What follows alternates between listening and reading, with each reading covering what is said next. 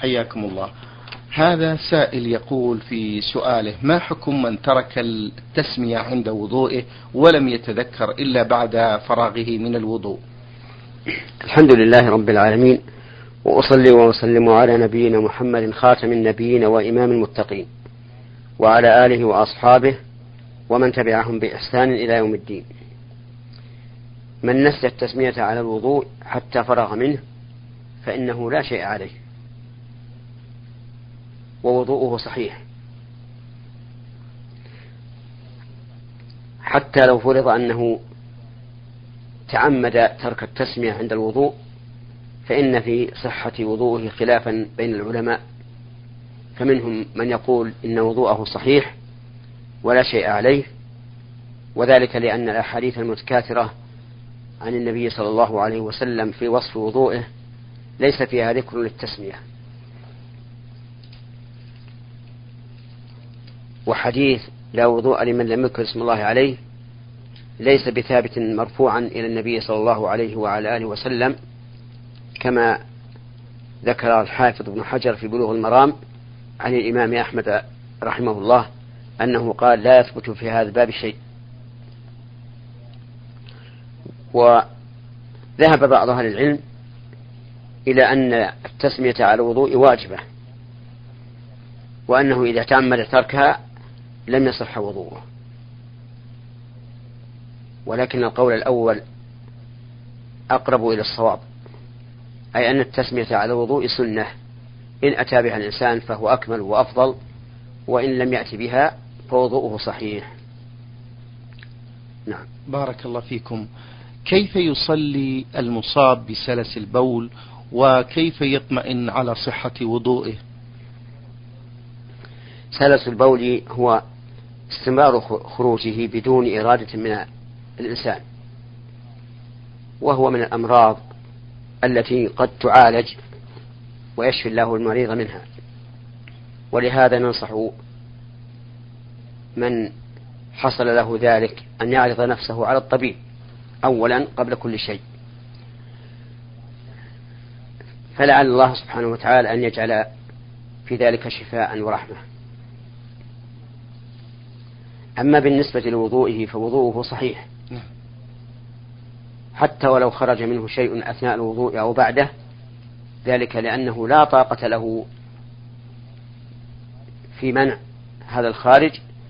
وقد قال الله تبارك وتعالى ربنا ولا تحملنا ما لا طاقة لنا به. وقال تعالى لا يكلف الله نفسا إلا وسعها. وقال تعالى فاتقوا الله ما استطعتم.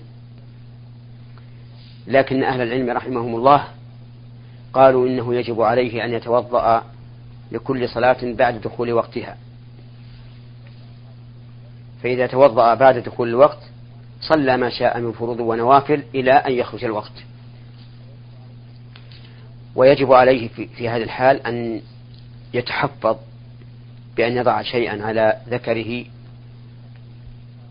ليقلل انتشار البول إلى ملابسه وبدنه. نسأل الله لإخواننا السلامة والعافية. اللهم أمين. بارك الله فيكم. السائل الذي رمز لاسمه بألف ألف ألف من بيشة آه، يقول ما عندي ثلاثة ألاف ريال وقد حال عليها الحول فكم زكاتها؟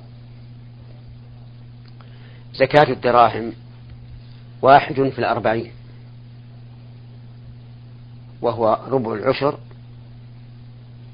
وهو اثنان ونصف في المئة. وعلى هذا فتكون زكاة الألف خمسة وعشرين ريالا. وزكاة الألفين خمسين ريالا. وزكاة الثلاثة خمسة وسبعين ريالا. وإذا أردت أن تعرف مقدار الزكاة مهما كثر المال فاقسم ما عندك على أربعين فما خرج بالقسمة فهو الزكاة فإذا قدرنا أن عند الشخص أربعين أن عند الشخص أربعين ألفا فزكاتها ألف. لأنك إذا قسمت الأربعين على الأربعين صار الخارج بالقسمة واحدا. وعلى هذا فقس. طيب. جزاكم الله خيرا. من أسئلة هذا السائل من بيشة يقول إذا تسبب شخص في طلاق زوجة رجل آخر من زوجها ثم تزوجها لنفسه ما هو الحكم في هذا الزواج؟ هل هو صحيح أم لا؟ أولا لابد أن نعرف كيف كان هذا السبب. هل هو بالسحر أو بطلب المخالعة؟ بمعنى أن يأتي إلى زوجها ويقول خالع زوجتك وأنا أعطيك عشرة آلاف ريال.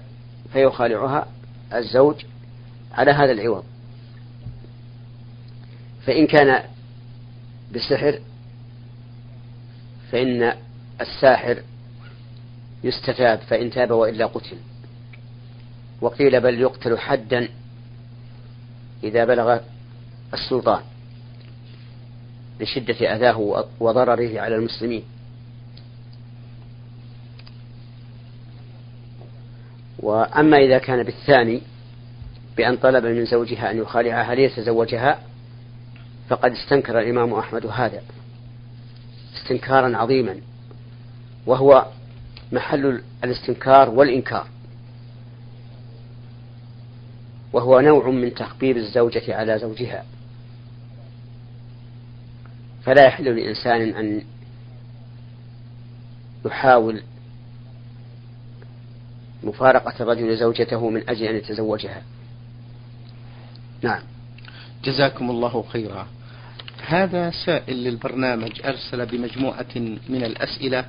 يقول هذا السائل قمنا بافتتاح محل لبيع المواد الغذائية في شهر ربيع الأول. والمعروف أن الزكاة تكون عند دوران الحول وأريد أن أخرج الزكاة في شهر رمضان. فماذا أفعل؟ فتح هذا المحل لا يخلو إما أن يكون بدراهم كانت عندكم وإما أن يكون بالاستدانة أي أن تشتروا بضائع في في ذممكم فإن كان بالأول أي أنكم افتتحتم المحل بدراهم كانت عندكم فإن حول الزكاة يكون من ملككم الدراهم التي قبل افتتاح المحل. فمتى دارت السنة على ملككم لهذه الدراهم وجبت الزكاة؟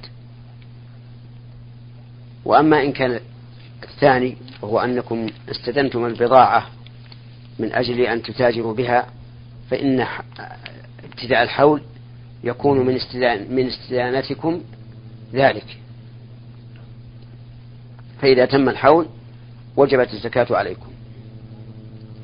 ولكن لا مانع من أن يقدم الإنسان زكاته في رمضان قبل حلول وقتها. ويكون هذا من باب التعجيل. أعني تعجيل الزكاة. وقد ذكر العلماء رحمهم الله أنه يجوز تعجيل الزكاة لحولين فأقل. بارك الله فيكم. السائل آه، عين عين عين من عدن اليمن يقول في هذا السؤال يذكر بأنه شاب يبلغ من العمر السابعة عشرة يحافظ على الصلوات الخمس في المنزل يذكر بأنه معوق حركيا معوق حركيا لا يستطيع ولا يقدر على المشي يقول وأملك دراجة مخصصة للمعوقين أنتقل بها وأذهب بها إلى المدرسة. وأما داخل المنزل فأنا أنتقل بواسطة يدي ويدي ورجلي حبوا وأريد أن أذهب لأداء الصلاة في المسجد جماعة. ولكنني لا أستطيع أن أنتقل من باب المسجد إلى داخل المسجد بهذه الطريقة خصوصا بأنني لا أستطيع أن أتنقل بين أرجل الناس. هل تجب علي صلاة الجماعة؟ أفيدوني. جزاكم الله خيرا. نعم تجب عليك زكاة آه، تجب عليك صلاة الجماعة إذا كانت لا تشق عليك. لكن ذكر بعض أهل العلم أن من لا يستطيع أن يصل إلى المسجد إلا راكبا فإنه لا تزمه صلاة الجماعة وإنما تلزمه صلاة الجمعة. ولكن عمومات الأدلة الدالة على وجوب صلاة الجماعة تشمل ما إذا تمكن الإنسان من الوصول إلى محل الصلاة بواسطة أو بغير واسطة.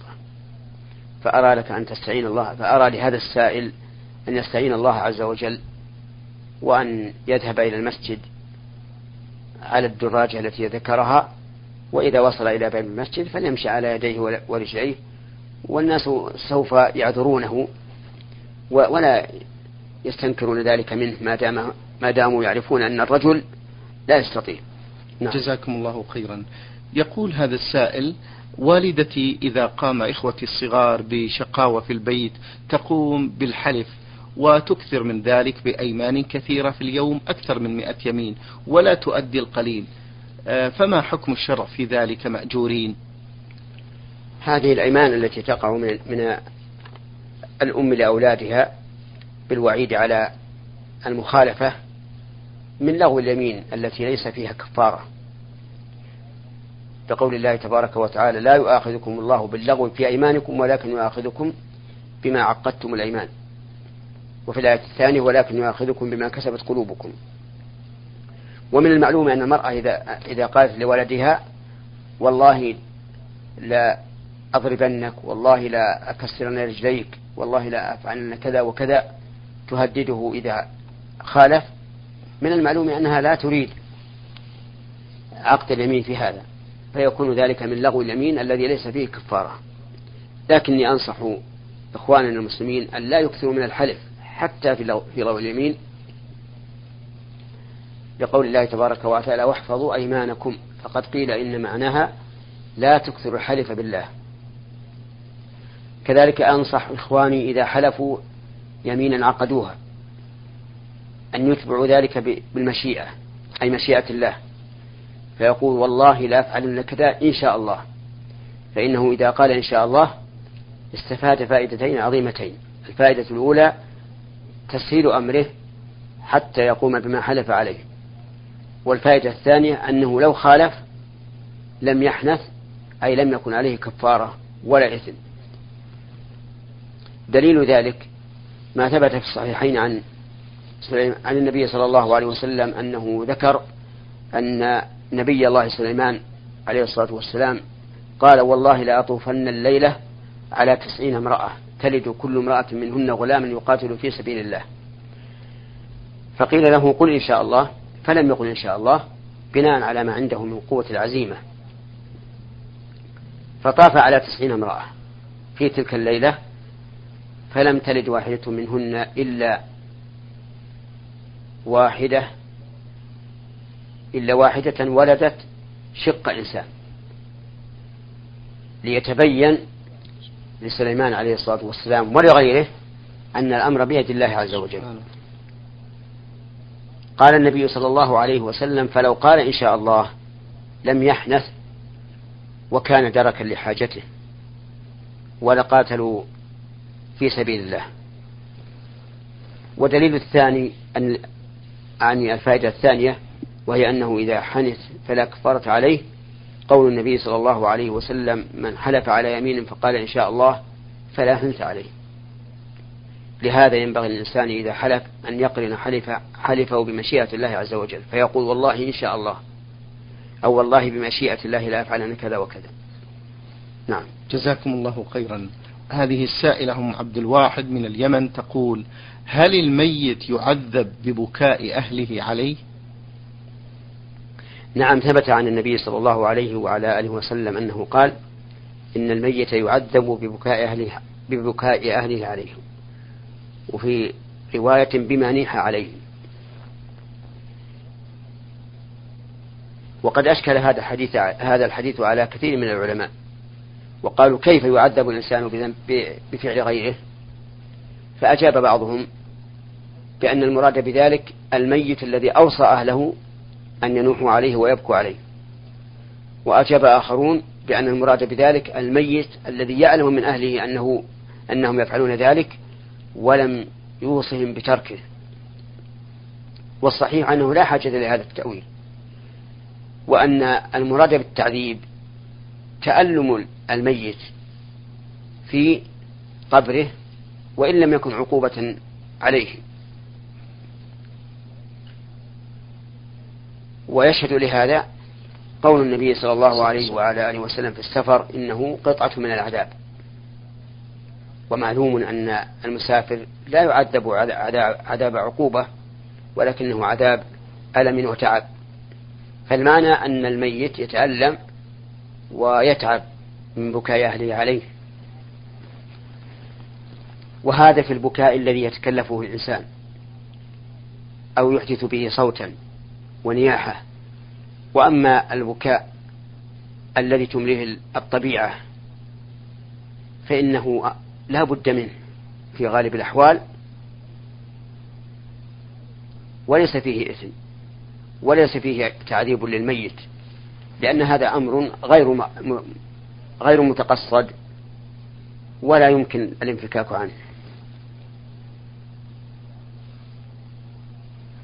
وعلى هذا فنقول إن بكاء أهل الميت عليه له ثلاث حالات. الحالة الأولى أن يعذب عليه العبد أن يعذب عليه الميت عذاب عقوبة وذلك فيما إذا أوصى أهله بذلك وفعلوا ما وفعلوه تنفيذا لوصيته. الثاني أن يعذب عذاب تألم وتوجع وليس عذاب عقوبة وذلك فيما إذا بكوا بكاء خارجا عن مقتضى الطبيعة من غير أن يوصيهم به. والثالث بكاء لا يعذب عليه الميت لا عذاب عقوبة ولا عذاب ألم أي تألم وهو ما إذا كان بكاء بمقتضى الطبيعة غير متكلف فيه ولا متقصد فيه. نعم. جزاكم الله خيرا. تقول هذه السائلة في سؤالها الثاني عندما يصيب الله العبد بمصيبة كهذه وهي أشد مصيبة على العبد هل هذا غضب من الله على العبد أم رحمة؟ إن الله سبحانه وتعالى يفعل ما يشاء. لا يسأل عما يفعل وهم يسألون. والله سبحانه وتعالى يبتلي العبد بالمصائب الكبيرة العظيمة والصغيرة ليبتليه. هل يصبر أو يجزع ويسخط؟ فمن صبر ورضي فله الرضا والأجر والثواب ومن سخط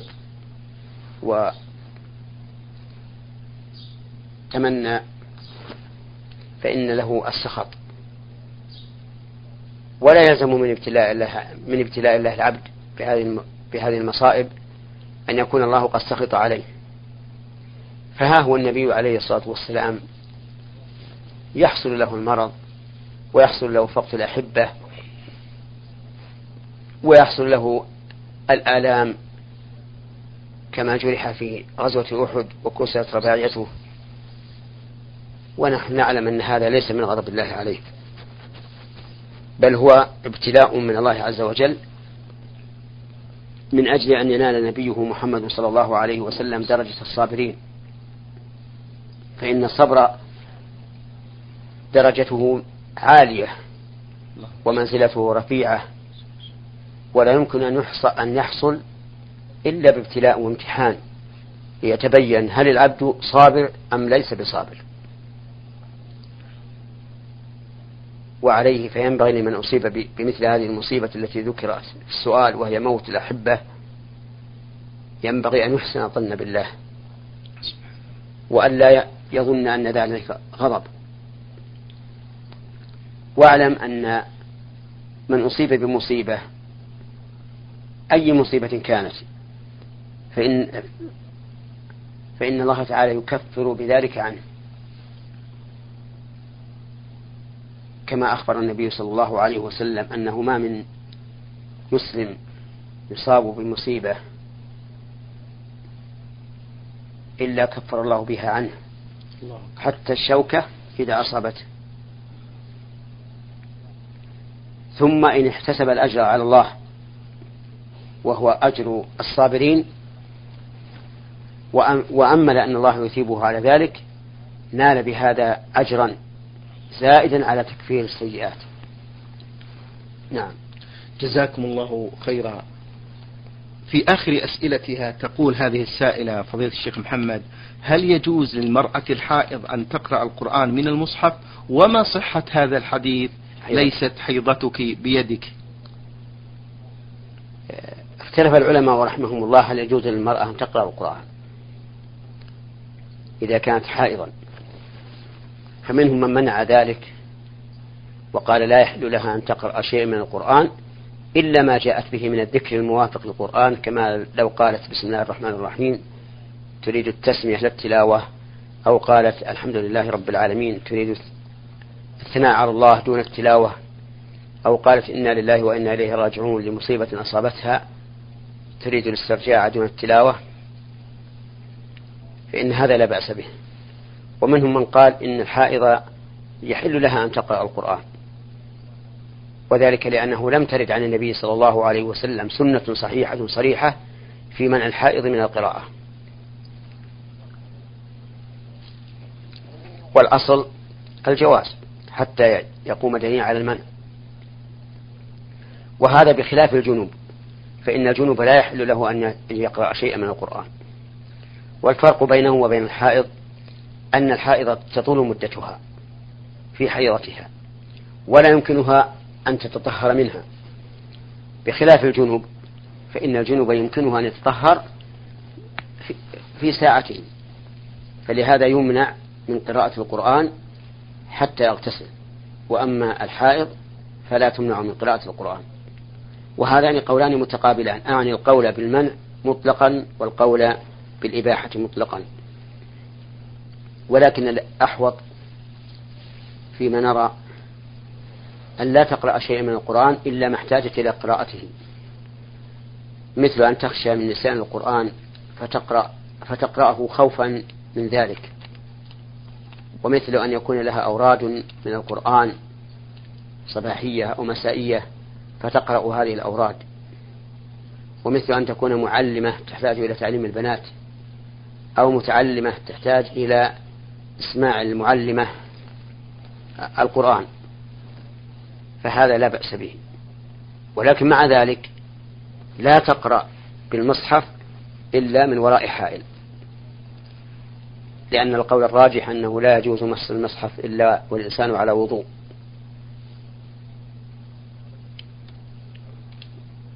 وعليه على هذا القول فالذي رأينا أنه أقرب إلى الصواب تقرأ الحائض ما تحتاج إلى قراءته من كتاب الله عز وجل. ولكنها تقرأه آه، إما عن ظهر قلب وإما بالمصحف مع حائل من منديل أو قفاز أو نحوه. جزاكم الله خيرا. السائل الذي رمز لاسمه بحاء عين يقول هل يجوز عند ختمي للقرآن أن أقول هذه القرآن هذه القراءة إلى وجه فلان الميت؟ آه هذا مبني على جواز إهداء القرب للأموات. نعم. والصواب يعني القول الراجح أنه يجوز إهداء القرب إلى الأموات المسلمين سواء كانوا من أقارب الفاعل أو من غير أقاربه لأنه ثبت في عدة قضايا أن النبي صلى الله عليه وسلم أجاز الصدقة عن الميت والصوم عن الميت والحج عن الميت. ولم يرد عن النبي صلى الله عليه وسلم أنه منع القراءة عن الميت أو الذكر عن الميت أو ما أشبه ذلك. فالصواب أن أن إهداء القرب أي إهداء ثوابها إلى الأموات جائز إذا كانوا مسلمين. فإذا قرأ الإنسان شيئا من القرآن بنية أنه لفلان قريبه أو أو بعيده فلا بأس. القول الراجح. ولكن آه، أرشد الناس إلى شيء أحسن من ذلك وهو الدعاء للميت. فإن الدعاء للميت أفضل من إهداء القرب إليه. بدليل قول النبي صلى الله عليه وسلم إذا مات الإنسان انقطع عمله إلا من ثلاثة صدقة جارية أو علم ينتفع به أو ولد صالح يدعو له. فذكر الولد وذكر الدعاء ولم يذكر العمل. ولو كان العمل للأموات مطلوبا لأرشد إليه النبي صلى الله عليه وعلى آله وسلم لا سيما وأنه يتحدث عن الأعمال وانقطاعها بالموت. وعلى هذا فنقول لمن أراد أن يصلي لأبيه أو أمه أو يتصدق لهما أو لغيرهما نقول إن الأفضل لك أن تدعو لوالديك وأن تجعل الأعمال لنفسك. نعم. جزاكم الله خيرا. نختم هذا اللقاء بسؤاله الثاني سؤال هذا السائل من اليمن. يقول يوجد شعر في أرجلي وهذا الشعر كثير ويضايقني نفسيا. وقد قمت مرة بحرقه ومرة قمت بنتفه. هل هذا من الحرام؟ إذا كان كثيرا خارجا عن العادة فلا بأس بإزالته ولكن لا لا لا يزيله بالحلق لأن الشعر إذا حلق ازداد قوة ونموا ولكن يزيله بالأدوية الموجودة الآن. ولا حرج عليه في ذلك. ما دام كثيرا مشوها أما إذا كان عاديا فالأفضل الإبقاء عليه. نعم. شكر الله لكم فضيلة الشيخ وبارك الله فيكم وفي علمكم ونفع بكم المسلمين. أيها الإخوة المستمعون الكرام أجاب عن أسئلتكم فضيلة الشيخ.